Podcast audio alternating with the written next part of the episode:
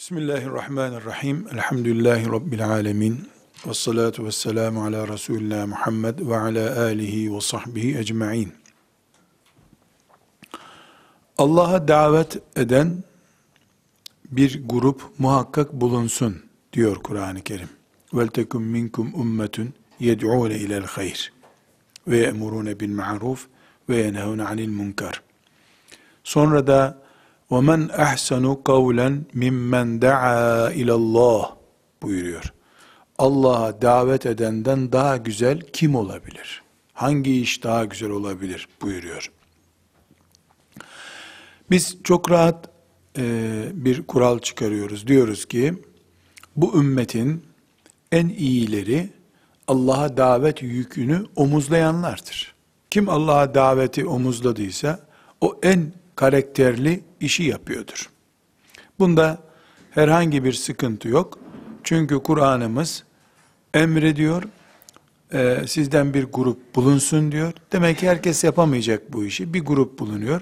O grubun da en iyi işi yaptıklarını söylüyor. İnsanları hidayete sevk ediyor. Tarih boyunca e, bu grup, Kur'an'ımızın emrettiği bu grup, yer yer davetçiler, yer yer muhtesip diye bir isimle anılır. Ee, emri bil maruf, nehyanil münker görevi denir. Bizim memleketimizde hoca deniyor. Ee, alim deniyor. İsmi önemli değil. Ama bugün dünyada e, bütün İslam topraklarında davet işiyle meşgul olan pek çok meşhur zat vardır. Bunlar e, yer yer siyasetle de meşgul olmuşlardır. E, bu asrın başından itibaren başlayacak olursak, Hasan el-Benna, e, Mevdudi, Nedvi, Yusuf Karadavi, Seyyid Kutup, e, Abdülkadir Ude, rahmetullahi aleyhim cemiyan, e, Karadavi hocamız hala yaşıyor ama, Hepsi rahmetle anılmalı. Yurt dışında meşhur isimler. Bizim memleketimizde e, ilk Süleyman Hilmi Tunahan, Said Nursi, e, meşhur, e, bugün de hala faaliyetleri devam edenler. Ama böyle bir cemaat olmadan devam eden büyük hoca efendiler de var. Gönenli Hoca Efendi mesela böyle isimlerden birisidir kürsüleri inleten, kürsülerden çok etki eden Timurtaş Uçar Hoca Efendi, rahmetullahi aleyhim, bunlar da müthiş izler bırakarak gittiler. Tabi bunlar da mahsus değil, yani yüz kişi, bin kişi diye sayılmayacak kadar fazla. İlk akla gelen birkaç ismi saydık. Bir zaman sonra e, davetçilerin etrafında bir gruplaşma doğal olarak oluşuyor. E, kimisi bu gruplaşma ölümüyle beraber dağılıp gidiyor. Kimisinde de e, grup kendinden daha meşhur oluyor. Fırkalara bölünüyor o grup.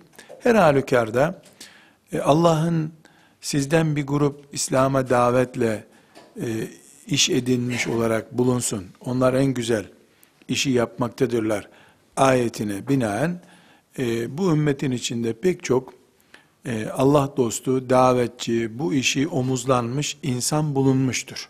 Bulunmaktadır. E, elhamdülillah Rabbimizin bu emri yerine geliyor. E, bunda bir sıkıntı yok. Fakat arkadaşlar,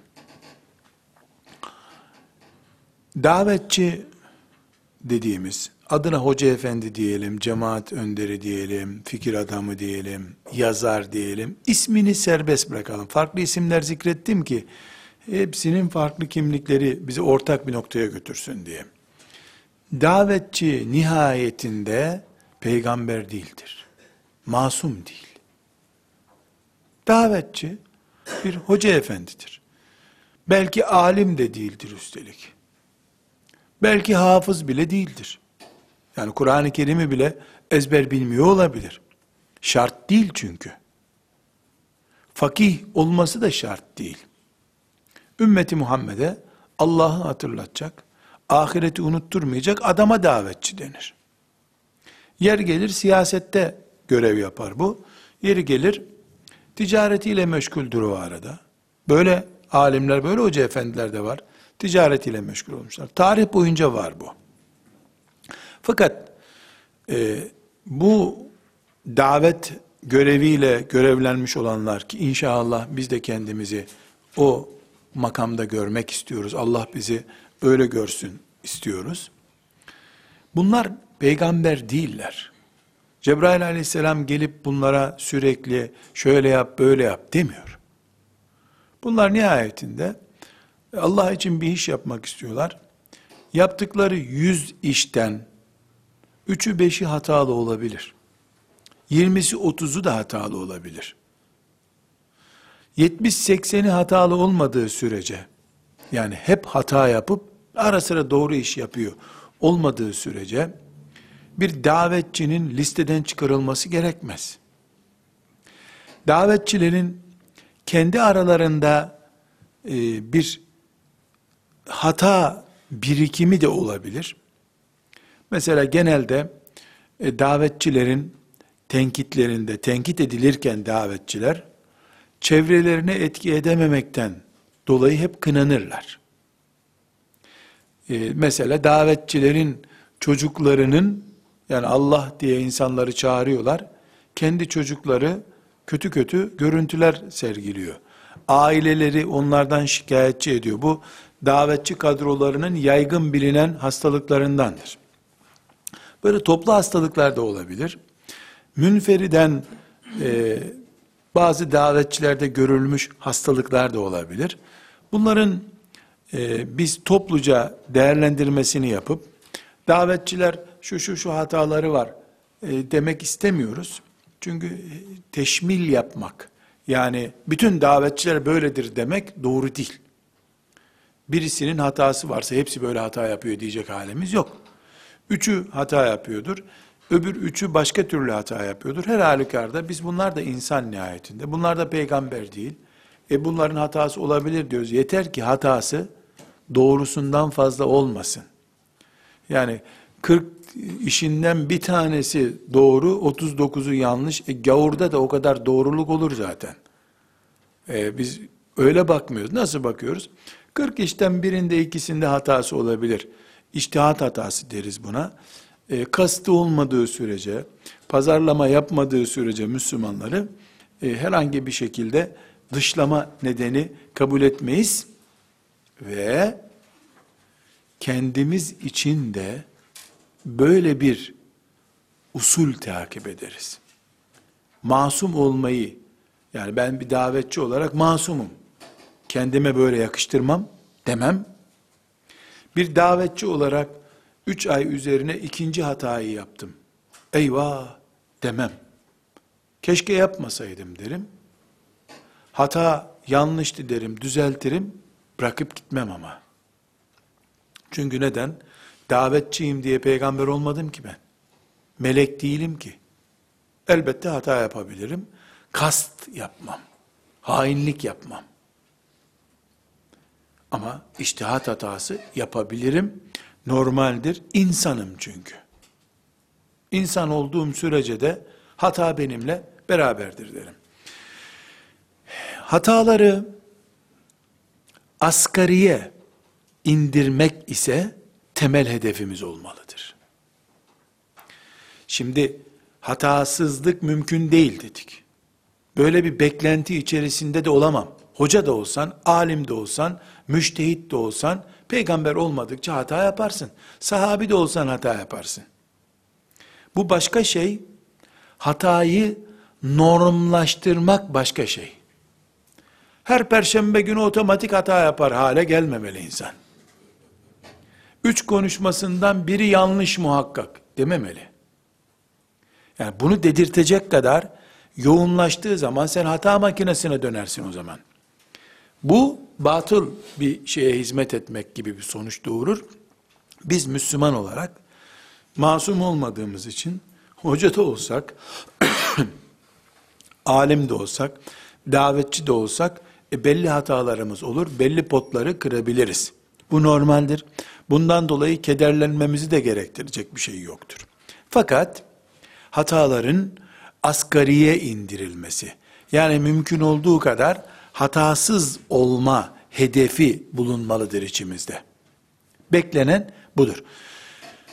Davetçilerin e, grup olarak veya bireysel şahısta bakıldığında e, davet esnasında hata yapmamaları için belli ilkelere dikkat e, etmelerinde fayda var. Yani şunu söylemek istiyoruz. Az hata ile yol alabilmek için nelere dikkat etmek lazım? E, hatasızlık mümkün değil dedik. Ama hatayı asgariye indirmek mümkündür dedik.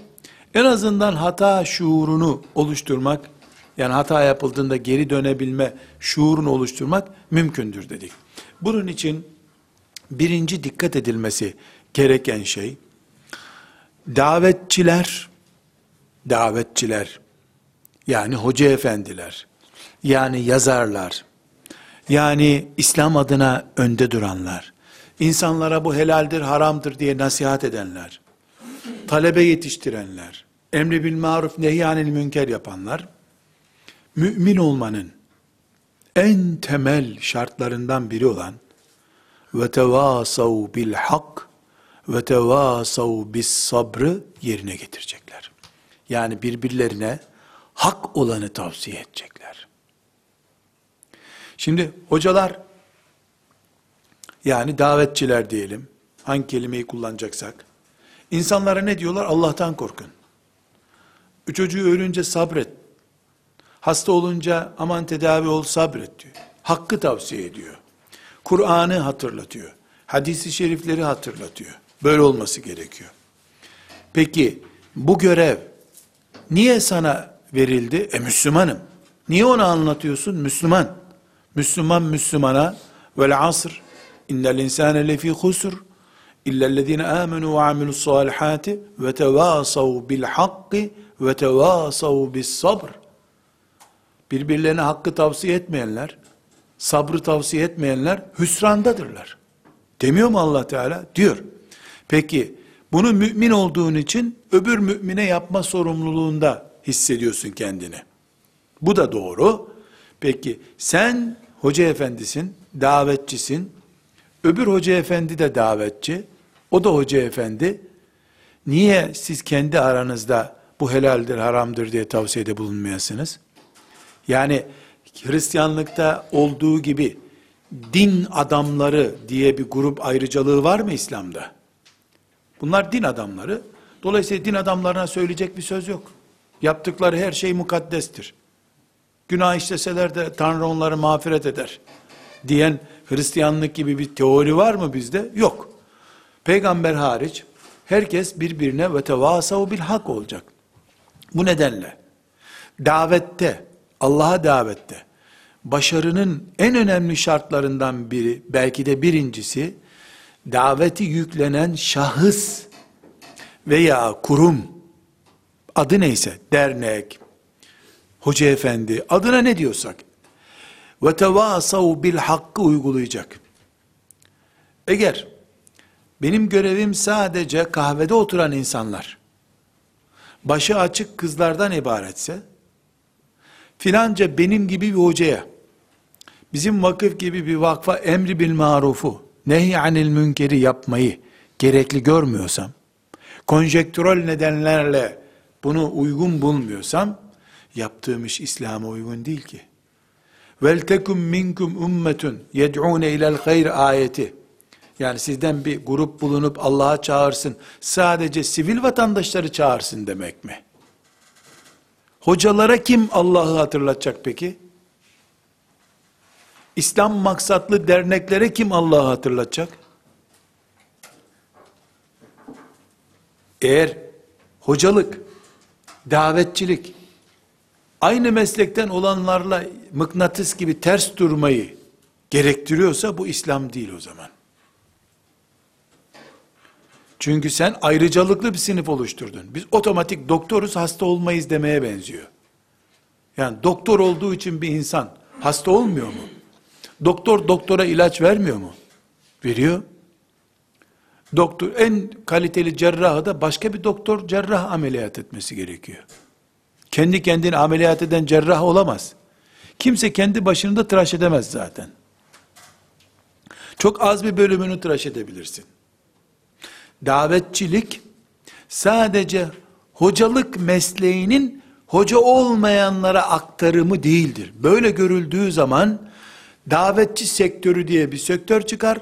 Onlar kendileri İslam adına yerler, içerler, sömürürler İslam'ı. Cahillere nasihat edip, Kur'an okuyup, vaaz edip onlardan istifade ederler. Onlardan da gelip etrafında tapınan grup oluşur bu sefer. Bir tarikat, bir vakıf, bir hoca efendi grubu, neyse adı, kendisini Allah hatırlatılacak, cennet cehennem hatırlatılacak kapıları açık tutarak bekletmesi lazım. Sen bize de mi vaaz ediyorsun ya? Dediği zaman Hristiyanlaşmıştır bu. Papaz ekolü oluşturmuştur. Ne demek sana da mı vaaz? Tabi sana da vaaz ediyorum. Sen herkesten daha fazla muhtaçsın belki de. Herkesten daha fazla risk taşıyorsun çünkü. Birinci nokta, yani asgariye indirmek istiyoruz hatalarımızı dedik ya, asgariye inmesi için birinci nokta, sıradan kahvede oturup kumar oynayan birisine nasıl Allah'ı hatırlatma ihtiyacı hissediyorsak, bir hoca efendi de yeri geldiğinde, kendisine Allah hatırlatılmalıdır. Diğerleri bunu görev bilmeli, o da bunu gerekli bir iş kabul etmelidir.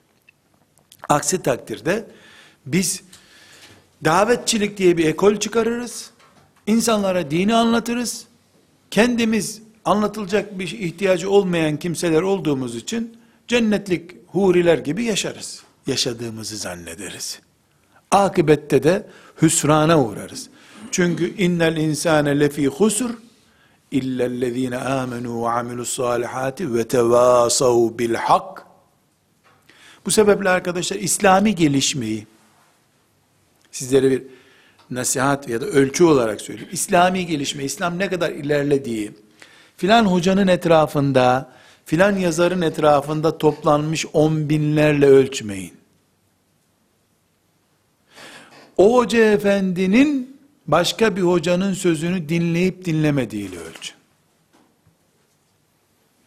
Hocalar insanlara din anlatıyor. Bu zaten doğal olan böyle. Bunda bir sıkıntı yok. İnsanlar mecbur ellerini bağlayıp vaaz dinliyorlar cuma günü. Ama o hoca efendiye de cumadan sonra hoca efendi filan husustaki yaptığınız şeriatın temel ilkelerine aykırı. Öyle zannediyoruz dediğinde ha öyle mi Allah razı olsun sizden buyurun bir de çay ısmarlayayım size beni ikaz ettiğiniz için diyorsa İslam iyi durumda demektir. Kendi kendini organize edebiliyor. Kendi içinden bir tamir sistemi oluşturmuş İslam demektir. İnsanları hocalar düzeltecek, davetçiler düzeltecek, onları kimse düzeltemeyecek ama olursa o zaman hocalar, davetçiler ilahlaştırılmış oldu demektir.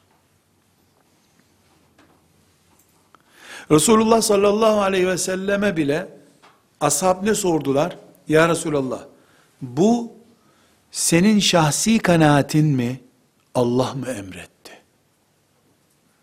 Ne olacak? Sorunca Efendimiz, eğer Allah emrettiyse başımızın üstüne. Senin şahsi kanaatinse bu yanlış onu söyleyeceğiz size dediler. Bedir'deki stratejik yeri tespit ederken e, kuyuların arkasına geçti Efendimiz. Bunu sordular. Buraya niye geldin ya? Allah mı emretti? Efendimiz de benim kanaatim dedi. Yanlış bu ya Resulullah dediler.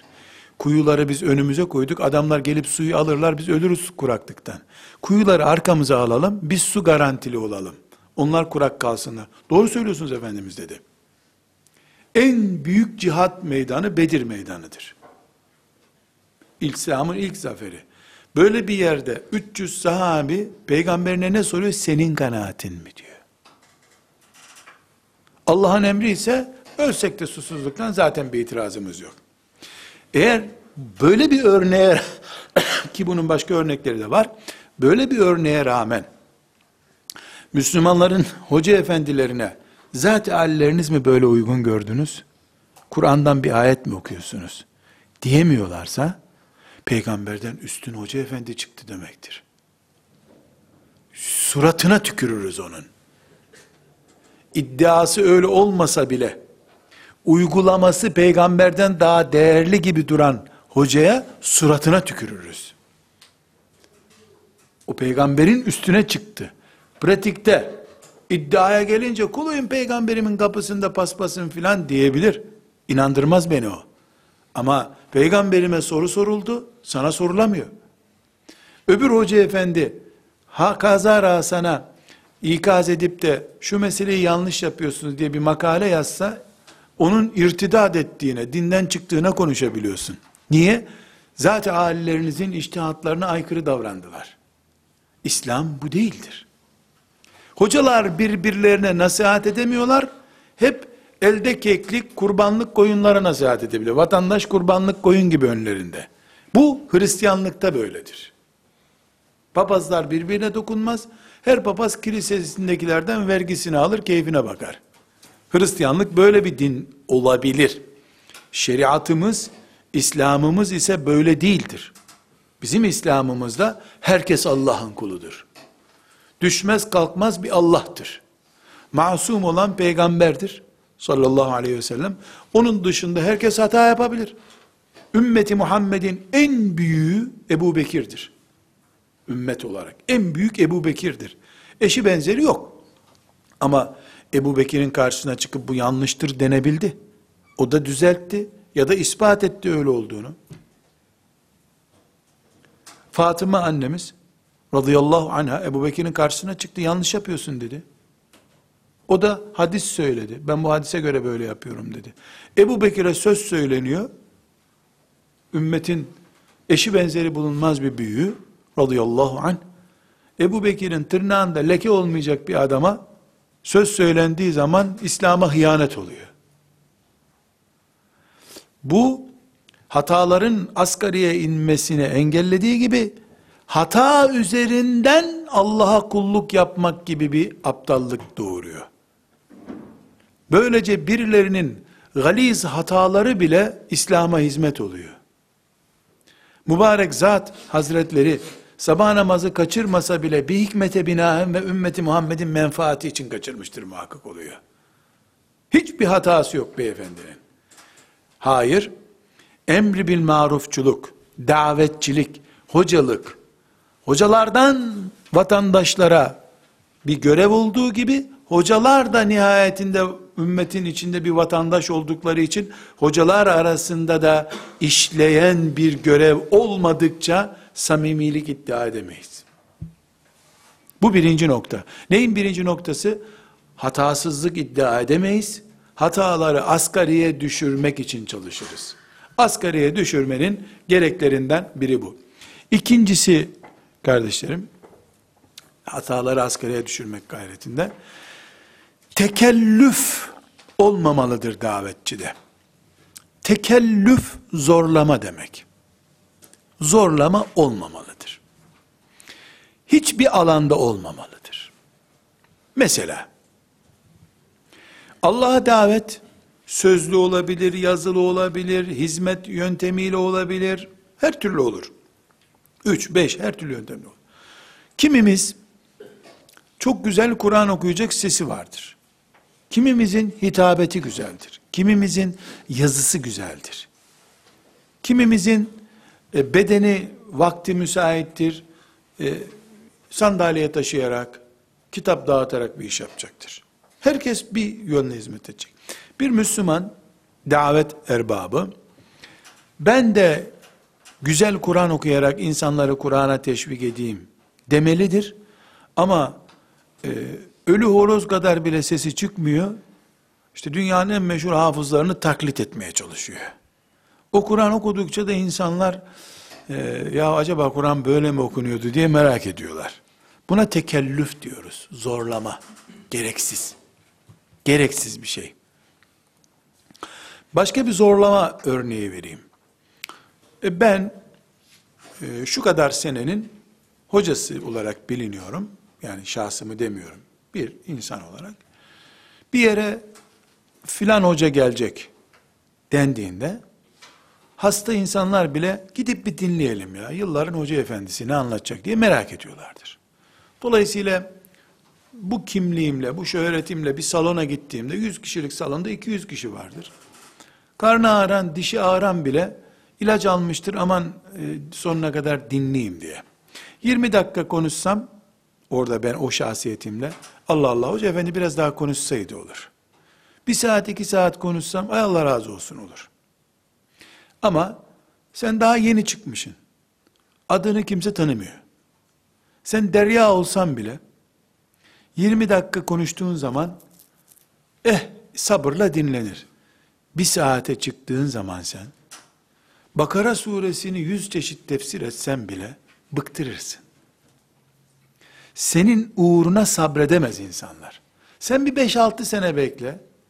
Sana da yalvarsın insanlar gel bize bir nasihat et diye. O zaman 3 saat konuş. Zorlama yapıyorsun. Tekellüf bu. Tekellüf.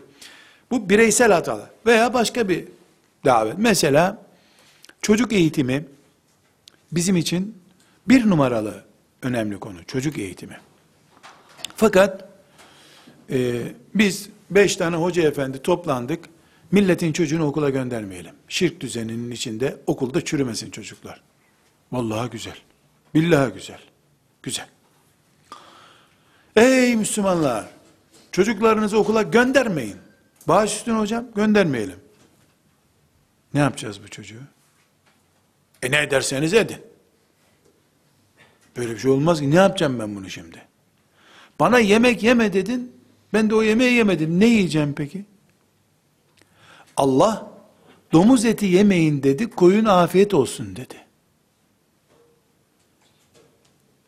Yani helalini gösterdi de haramını da gösterdi. E şimdi Müslümana okula gönderme çocuğu. E göndermedik. E ne yapacağım bu çocuk büyüdü. E büyütmeseydin mi diyeceğim. Tekellüf bu.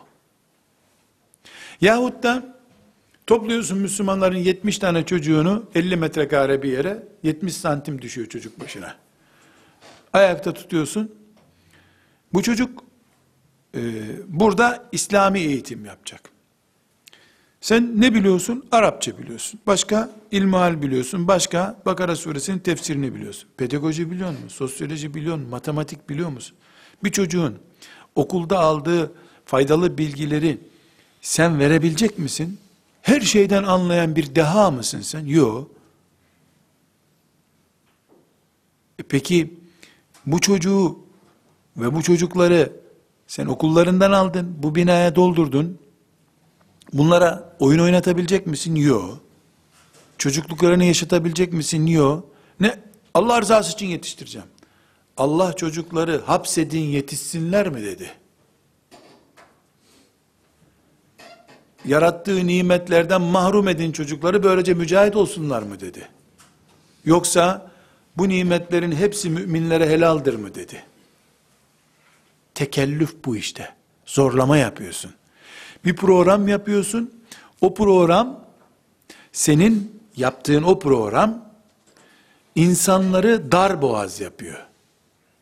Böylece iki sonuç çıkıyor. Birincisi senin geniş kitlelere yayılmanı Allah'ın şeriatının çok geniş kitleler tarafından anlaşılmasını, sevilmesini engelliyorsun sen. İki, kendin marjinal bir köşede kalıyorsun. 30-40 aile sana bağlı. Onlar da bin pişman çocuklarını sana verdiklerine. Yapacak başka bir şeyleri de yok. Perişan oluyorsun. Başka bir misal. Mesela çıkıyor. Arkadaşlar ya bu alkol ne kadar haram biliyor musunuz? Biliyoruz. Allah'ın en büyük haramları. Ya tamam amenna ve saddakna. Doğru alkol müthiş bir haram. Lanetli. Biliyor musunuz? Alkol peynirde de var ya. Ekmekte var. Portakalda var. Bir saysana şu listeyi. Var var var var. Ulan senin kafanda da var demek ki. He he koklanmış olabiliriz bir yerden. E ne olacak şimdi? Ekmekte var. Tuz da var, biber de var, su da var. Caminin kapısından geçerken koklanıyorsun var. E intihar edip Allah yolunda ölelim o zaman. Madem alkol her taraf. Bu tekellüftür. Davetçinin vazifesi yokuşa sürmek değildir. Şeriat yolunda yürütmektir. Çünkü şeriat, dünyada alkol varsa çabuk intihar edin, cennete gidin demedi ki. Alkolsüz ortam kurun kendinize dedi. Müminin vazifesi temiz ortam oluşturmaktır. Peki bu nasıl olacak? Davetçi, arkadaşlar, alkol ekmeğe de bulaşmış olabilir mayada. Domuz mamülü peynire de bulaşmış olabilir. Marka seçelim. Markalarda da ciddiyetlerine dikkat edelim. Bakalım ciddi mi marka? Binaenaleyh bilsinler ki Müslümanın mahallesinde bunlar satılmıyor. Yön vermek zorundasın insanlara. Dar boğaz ederek insanları dininden soğutursun sen. Ne yapayım lan her şey alkolse bana ne ya dünyayı ben mi düzelteceğim deyince sen adamı kazanamadın ki. Kaybettin, zarar ettin. Davetçi zarar ettikçe kar etmez. Böyle bir şey olur mu? Zarar ettikçe kar ediyor.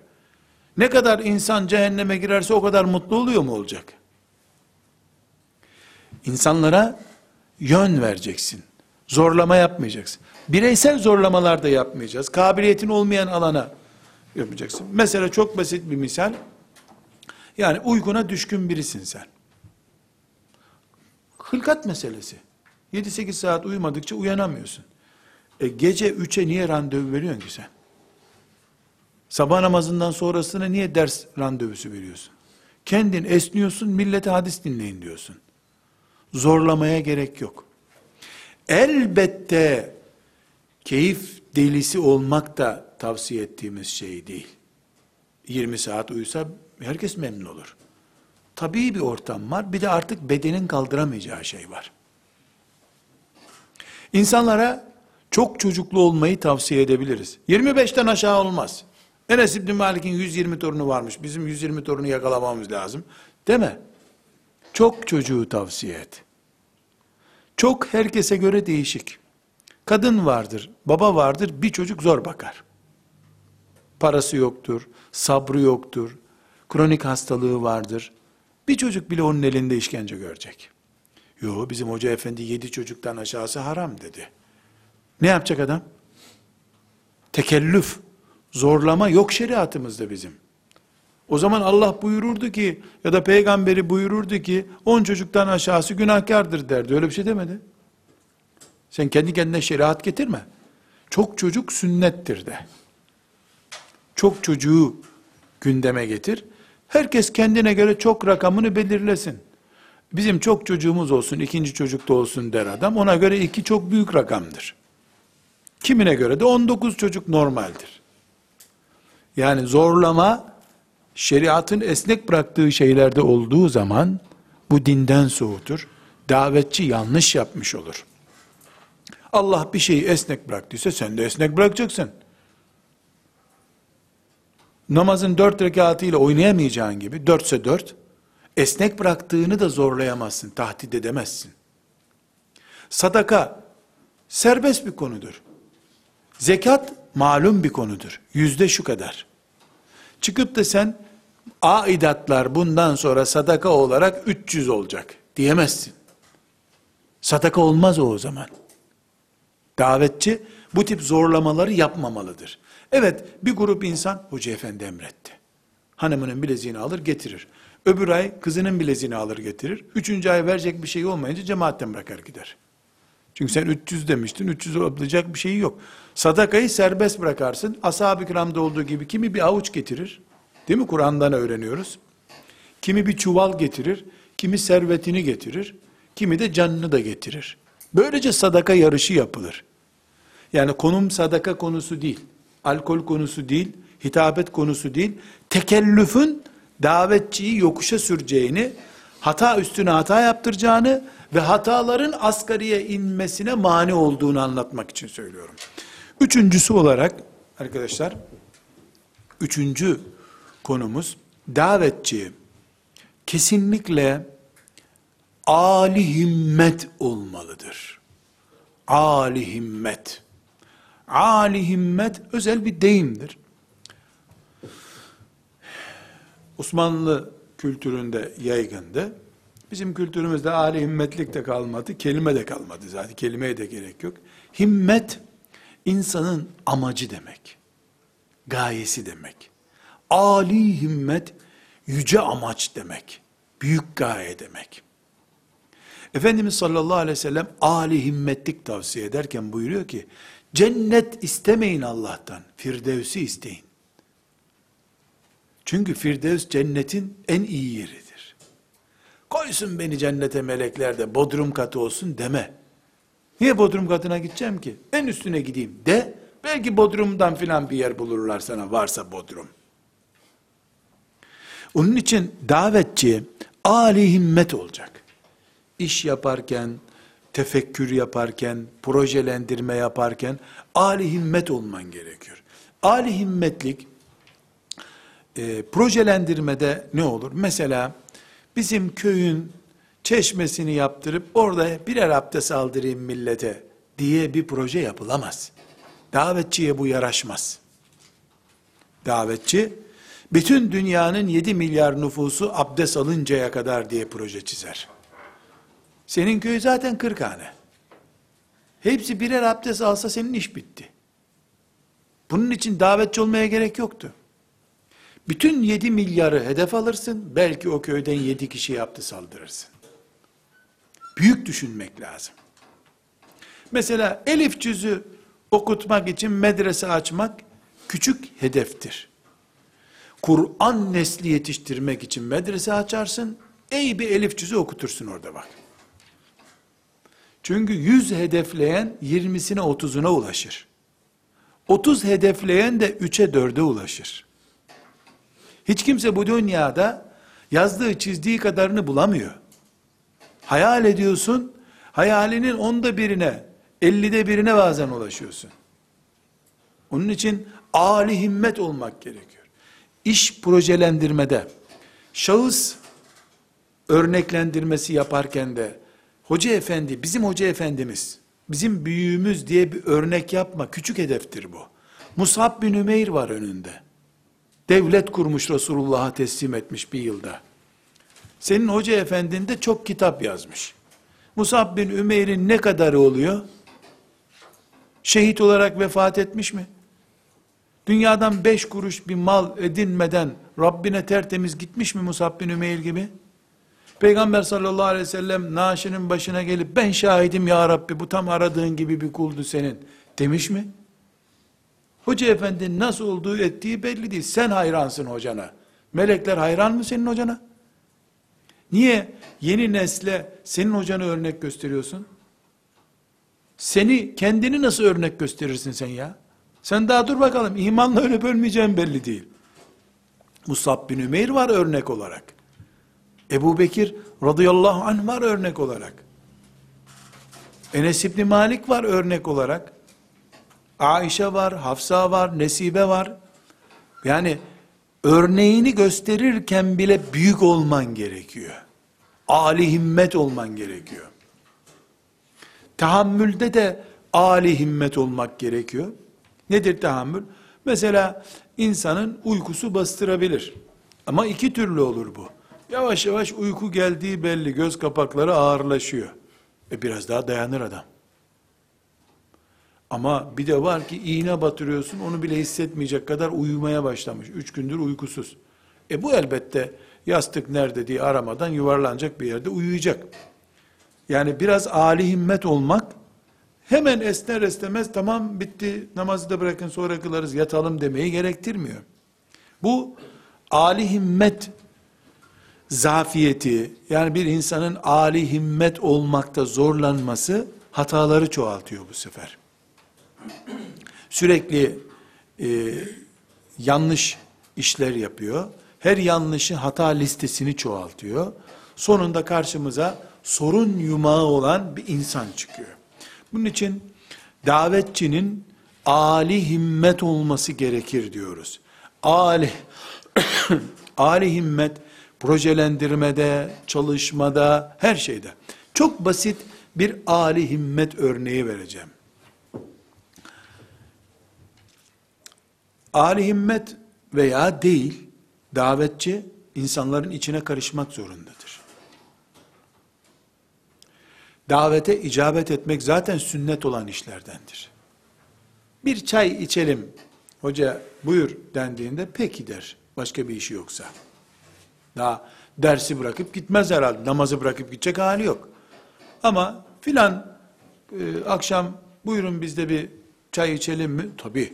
Müminlerin gönlünü almak. Çünkü it'amut ta'am yemek yedirmek. Şimdi biz ona çay içirmek diyoruz. Yeri geldiğinde şeriatımızın en önemli işlerinden bir tanesidir. Sen davetçi olarak gitmesen olur mu? Ama Ali himmet kimdir biliyor musunuz? Bir, gittiği davette nezaketle teşekkür eder. 20 senedir aç kalmış bir Afrikalı hayaliyle sofraya çullanmaz. Buyurun denince otur. Allah bu tatlılar bizi mi bekliyordu deyip avuç avuç tatlıya girişmez. Ali himmet büyük adamdır. Bir sofraya satmaz kendisini. Ondan sonra ya bunun gerisi yok mu? Bu tencere küçük tencere miydi diye espri yapmaz. Sofra bitince teşekkür eder. Allah razı olsun der. Beğenmediği, yiyemeyeceği bir yemek gelince, ulan bunu mu yaptınız hem çağırıyorsunuz hem biberli yapmışsınız bu lahmacunu demez. Ben bundan fazla yemem ama çok güzel olmuş der. Gönlünü kırmaz oradakilerin. Bu, davetçinin âli himmet görüntüsüdür. Eee vallahi böyle çağıran da olmamıştı ya. İyi ki çağırdınız ha. Biz epeydir bu kebapların kokusunu da görmüyorduk diye aç ayı numaraları yapmaz orada. Seviyesini düşürmez. Çünkü sen Allah'a davetle meşhursun. Senin üzerindeki renk farklılıkları, alaca karacalıklar dine mal olur. İnsanlar kalkarlar, ulan az kalsın bizim sofrayı da yiyecekti ha, ucuz kurtardık gene derler senin arkandan. Bunu dedirtemezsin sen. Türkiye'mizde bu hata yüzünden e, yıllarca insanlar hocaları obur, doymaz insanlar olarak bildiler. Onlar da kim bilir bir espri yapalım diye böyle bir şaka yaptılar. Atları öyle kaldı. Yıllarca bizim çocukluğumuzda e, işte hafızlık yapıyoruz diye bilindiğimiz her yerde e, aklımda kalan en kötü çocukluk hatıralarından biri. Ne zaman bir misafirliğe gitsek bir yere sanki başka hiçbir şey yok gibi temel fıkrası gibi ya bir hocayla bir öküz tarlaya girmiş. Baba bizim tarlaya öküz ve hoca girdi e, demiş oğlu da baba bağırmış evinden oğlum öküz kalsın hocayı çıkar. Hiç olmasın öküz karnı doyana kadar yer. E, hocanın ne yapacağı belli değil tarla bize lazım dermiş. Arkadaşlar bunun adına sadece afet denir. Bu görüntüyü vermeye kim katkıda bulunduysa yandı kıyamet günü. Bir hatıramı başka yerlerde naklettim. Özellikle size de nakledeyim. Babam e, insanlarla fazla böyle içli dışlı olmaz bir hoca efendiydi. Hatta bana dedi ki 40 sene kadar bir camide namaz kıldırdı. Namazdan sonra cemaat imama takabbelallah diye böyle bir işaret yaparlar. Aslı astar olmayan bir şey. Böyle bir işaret yapar. İmam da onlara böyle bir yapar. Yani he he kabul manasında amin böyle bir, bir bizim örfümüzde var. Başka bir yerde de görmedim bunu. Başka yerde başka çeşitleri belki var. Babam bana dedi ki 30 küsür senedir şurada namaz kıldırıyorum. Bir kere böyle yapmadım insanlara dedi. Niye dedim? Hem bid'at dedi hem de sulanmasınlar dedi. Mihrapta sulu bir imam görmesinler dedi. Ona çok dikkat edin. Onu çok etkilendim. Sonra işte insanlara muhabbet etmek lazım filan gibi ben izah ettim ama pişmanım bu izahımdan. Böyle yaptın mı ondan sonra böyle yapıyor sana adam. Sen imamlık başka. Bir yerde oturur çay içeriz, muhabbet ederiz ayrı. Mihrapta şaka yok. Bir gün bir iftara gittik babamla. Babamın çok sevdiği bir arkadaşı. E, oturduk. Çorba geldi. Çorbayı içtik. E, ev sahibi dedi ki en az 10 kişi varız sofrada. Bir Erzurumlu amcamızın sofrası. Allah rahmet eylesin. Vefat etti o zat. Allah mağfiret eylesin. Hoca dedi, yedi kişilik yaptırdım ha çorbayı ona göre dedi, vereyim bir daha dedi. Yani sen yedi kişi kadar yersin tahmin ettim bunu dedi. Demek istedi. Babam benim pardüsem nerede dedi. Adam da gitti pardüseyi getirdi. mendilini falan alacak zannedi. Kalktı babam. Beni de omuzumdan tuttu. Kalk dedi. Kalktık cübbesini işte parçasını giydi. İçeride kadınlar var mı yok mu bakmadan holden hop çıktı. Ben de peşinden gittim. Ya nereye gidiyor yani böyle bir ev sahibi de işte herhalde hoca burnunu mu temizleyecek mendilini alıp filan sofranın kenarından kalktı gibi bir şok geçirdi anlamadı. Ayakkabımızı giydik. Bir 300-400 metre kadar koştuk. Yani koşarak gittik. Çünkü hadimle teravih kıldıracaktı babam. Hızlı vakit azdı akşam yatsı arasında. Eve gittik. Annem şok geçirdi. İftar etmediniz mi dedi. Sofraya oturduk. Yemek yedik. Babam baktım ateş gibi hiç bir şey soramadım babama. Ondan sonra onlar hala bekliyorlarmış. Hoca dışarıda burnunu temizleyecek gelecek. Onlar bekliyorlarmış. Çorbayı bekliyorlarmış. Neyse teravih oldu. Tabi anladılar bir terslik olduğunu. Hoca amca geldi dedi ki ya niye kalktı hoca efendi dedi. Dedim zannediyorum sen bir iki gün buralara uğramaman lazım. Çünkü sana cevap verirse bir daha selamlaşamazsınız dedim. Çünkü babama sordum. Niye kalktın? Dedi ki, dikkat edin arkadaşlar. Benim peygamberim dedi. Kafir yemek yerken yedi mideyle yer. Yani yedi kişilik iştahla yemek yer. Mümin de bir mideyle yemek yer. Buyuruyor. O beni kafire benzetti dedi. Yedi kişilik hazırladım sofrayı dedi dedi. Ben kendimi kafire benzetemem dedi. Dua etsin orada istifra etmedim o çorbayı dedi. Bu bir ciddiyettir arkadaşlar. Ali himmetliktir. Bulunduğun makam peygamberi temsil ediyor. Aleyhissalatü vesselam. Bulunduğun makamda sen Allah diyorsun. Şeriat diyorsun. Yemek esprisi yapmaz. Ben elhamdülillah buna yıllardır dikkat ederim. Hararetle bir şeriat hükmü olarak söylemiyorum ama hararetle uyguluyorum ve tavsiye ediyorum. Yemekte fotoğraf çektirmemek lazım. Şimdi ashab-ı kiramın bir hurmayı bölüşüp bölüşüp yediklerini anlatan hadis okuyorsun. Millet senin ismini merak ediyor. Fotoğrafına bakıyorlar ki uf, hurmanın beş çeşidinin bulunduğu, eşantiyon olarak sucukların bulunduğu fotoğraflarda sen varsın. Bu çelişkiyi kendi elinle ortaya koymamalısın. Davetçi dilinden çok tipiyle örnektir. Yani sen dilinle anlattığına değil, bedeninle gösterdiğine bakacak insanlar. Sofrada görüntü vermeyeceksin. Ali himmet olmak kılık kıyafette de seni yakalayacak. Kibir, force, bunlar davetçide haram şeyler. Herkes de haram zaten. Ama sen yılıp pırtık dolaşmayacaksın. Bir, insanlar kendileri atletle dolaşırlar. Senin gömleğinin yakasına dikkat ederler ama. Gereksiz yerde kravat kullanma. Ali himmet ol. Görüntün şık olsun. Saçın düzgün olsun. Sakalın düzgün olsun. Ama kibirli olmasın. Gurur yansıtmasın. Yakın bir zamanda e, bir kardeşimiz bir soru sordu internetten. E, yüzlerce fotoğrafınıza baktım dedi. Kısa kollu gömleğe rastlamadım dedi. Haram mı kısa kollu giymek dedi. Böyle bir soru sordu. Asla erkek için haram değil. Hiçbir şekilde haram değil. Ama ben fotoğraf karşısına geçeceğim sahnelerde kısa kollu gömlek giymiyorum. Neden giymiyorum? Haram değil, erkeğe haram değil. Belden yukarısını hiç örtmeden de dolaşabilir erkek. Ama e, insanın kısa kollu gömlek giydiği zaman kollarında tüyleri, müyleri normal zaten yani erkeğin sakıncası yok. Ama insanlar seni tüylü kolunla görmemeliler. Çünkü Allah bu elbiseyi zinet olarak yarattı. Bu bir zinettir. Namaza girerken zinetinizle gelin Allah buyuruyor. Namaz düzeyinde bir ibadet anlayışıyla yapıyorsan daveti sen, davete de zinetinle gideceksin.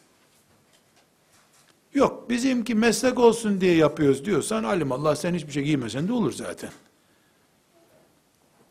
Şimdi burada benim gömleğimden ne insanlara ben onlara hadis okuyorum.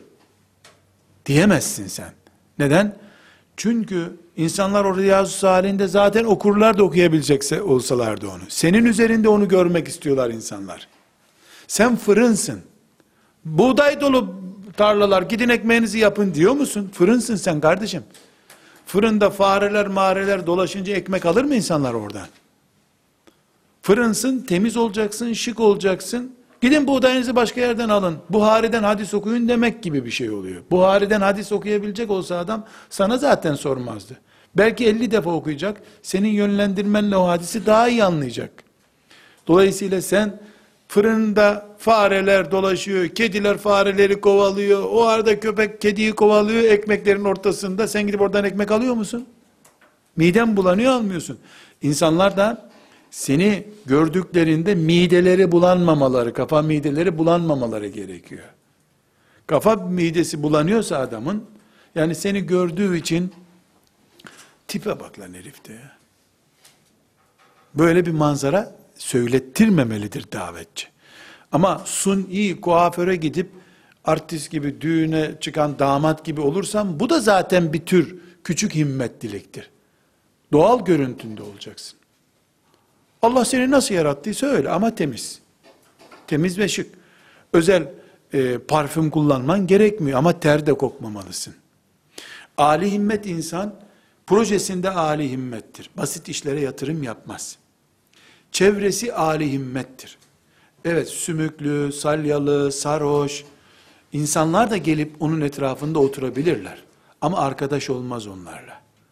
Zaten sen onlara hizmet edeceksin. Eskiden İstanbul'da dikkatimizi çekerdi. Araba azdı. E, arabalarda satılıktır diye bir levha olurdu. Volkswagen taksilerde doktordan satılık yazardı. Ve o araba pahalı satılırdı. Şimdi bayan kullanıcıdan araba diyorlar. Neden biliyor musunuz? Doktorluk eskiden az bir şeydi. Narin, şirin, temiz, gaza hızlı basmaz, paldır küldür yapmaz, çarpmamıştır arabayı dikkatli şofördür diye. Doktorun kullandığı araba pahalı satılırdı.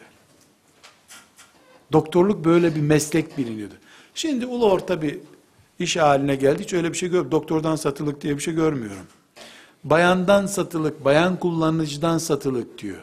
Ne demek? Yani bayan kamyonun altına girmemiştir hiçbir zaman. Sağlamdır bu araba. Frene hızlı basmamıştır. Nazik hep ikinci viteste kullanır filan gibi e, lanse ediliyor. Doğru mudur, eğri midir bunlar bilmiyorum. Ben sadece gördüklerimi söylüyorum.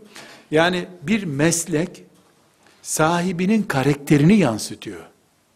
Herhalde oto tamircisinden satılık araba hiç görmedim hayatımda ben.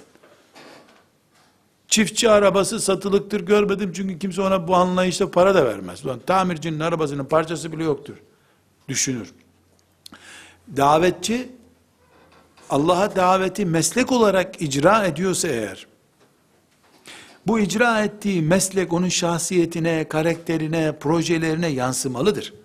Dediğim gibi sarhoşla bir arada durur. Niye durur bir arada? E canım sarhoşu davet edecek zaten. Meyhaneye de gireceksin yeri geldiğinde. Çok daha çirkin yerlere gireceksin. Kumarhaneye gireceksin. Selam vermeyeceksin. Sol ayakla gireceksin. Beyler iki dakika dinleyin beni diyeceksin. Davetçisin sen.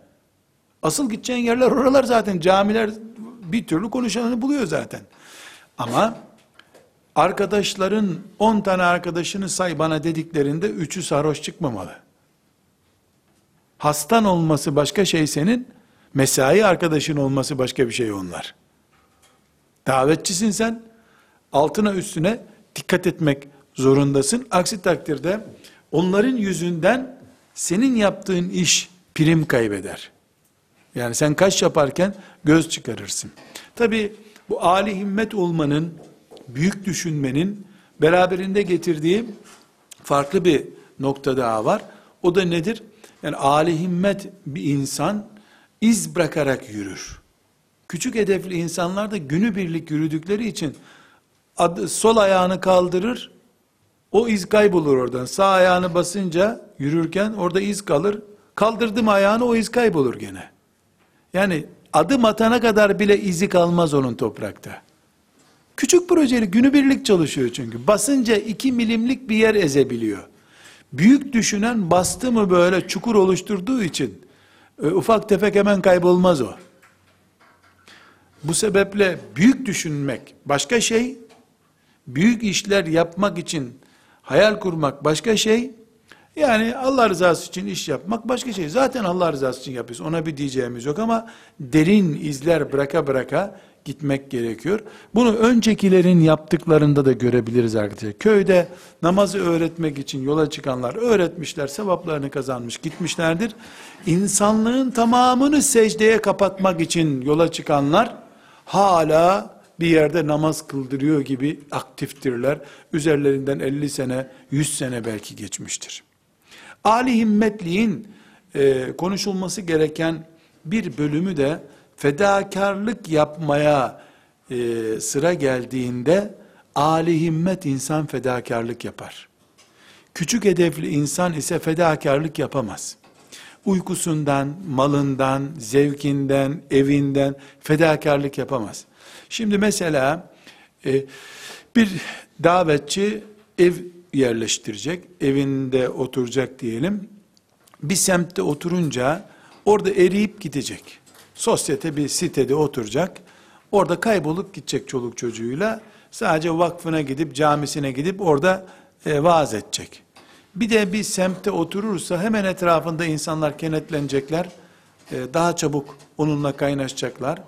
Tercih yaparken âli himmet biri ise davası ve hizmeti uğruna e, asansörlü bir binada oturma yerine gece konduda oturacak. Böylece o fedakarlığı gerekiyorsa bu. İlla gece konduda otursun diye demiyorum. Böylece o fedakarlığı bir bereket olarak ona geri dönecek. Sen keyfu sefandan taviz verme, insanları cihada teşvik et. Bir örnek e, olarak da zikretmek istiyorum. Bir yerde e, bir oluşum e, için beni çağırdılar. Yani bir e, ilim adamları bir çalışma yapacaklardı. Ben de misafir olarak bulundum. 3-4 saat e, oturuldu, şu yapılmalı, bu yapılmalı diye. E, sonra da e, o çalışmanın bir bildirisini hazırlayalım dediler. E, yani basına deklare edecekler. 3 saat sürdü, ikinci bir 3 saate harcıyoruz, bildiri bir türlü bitmiyor.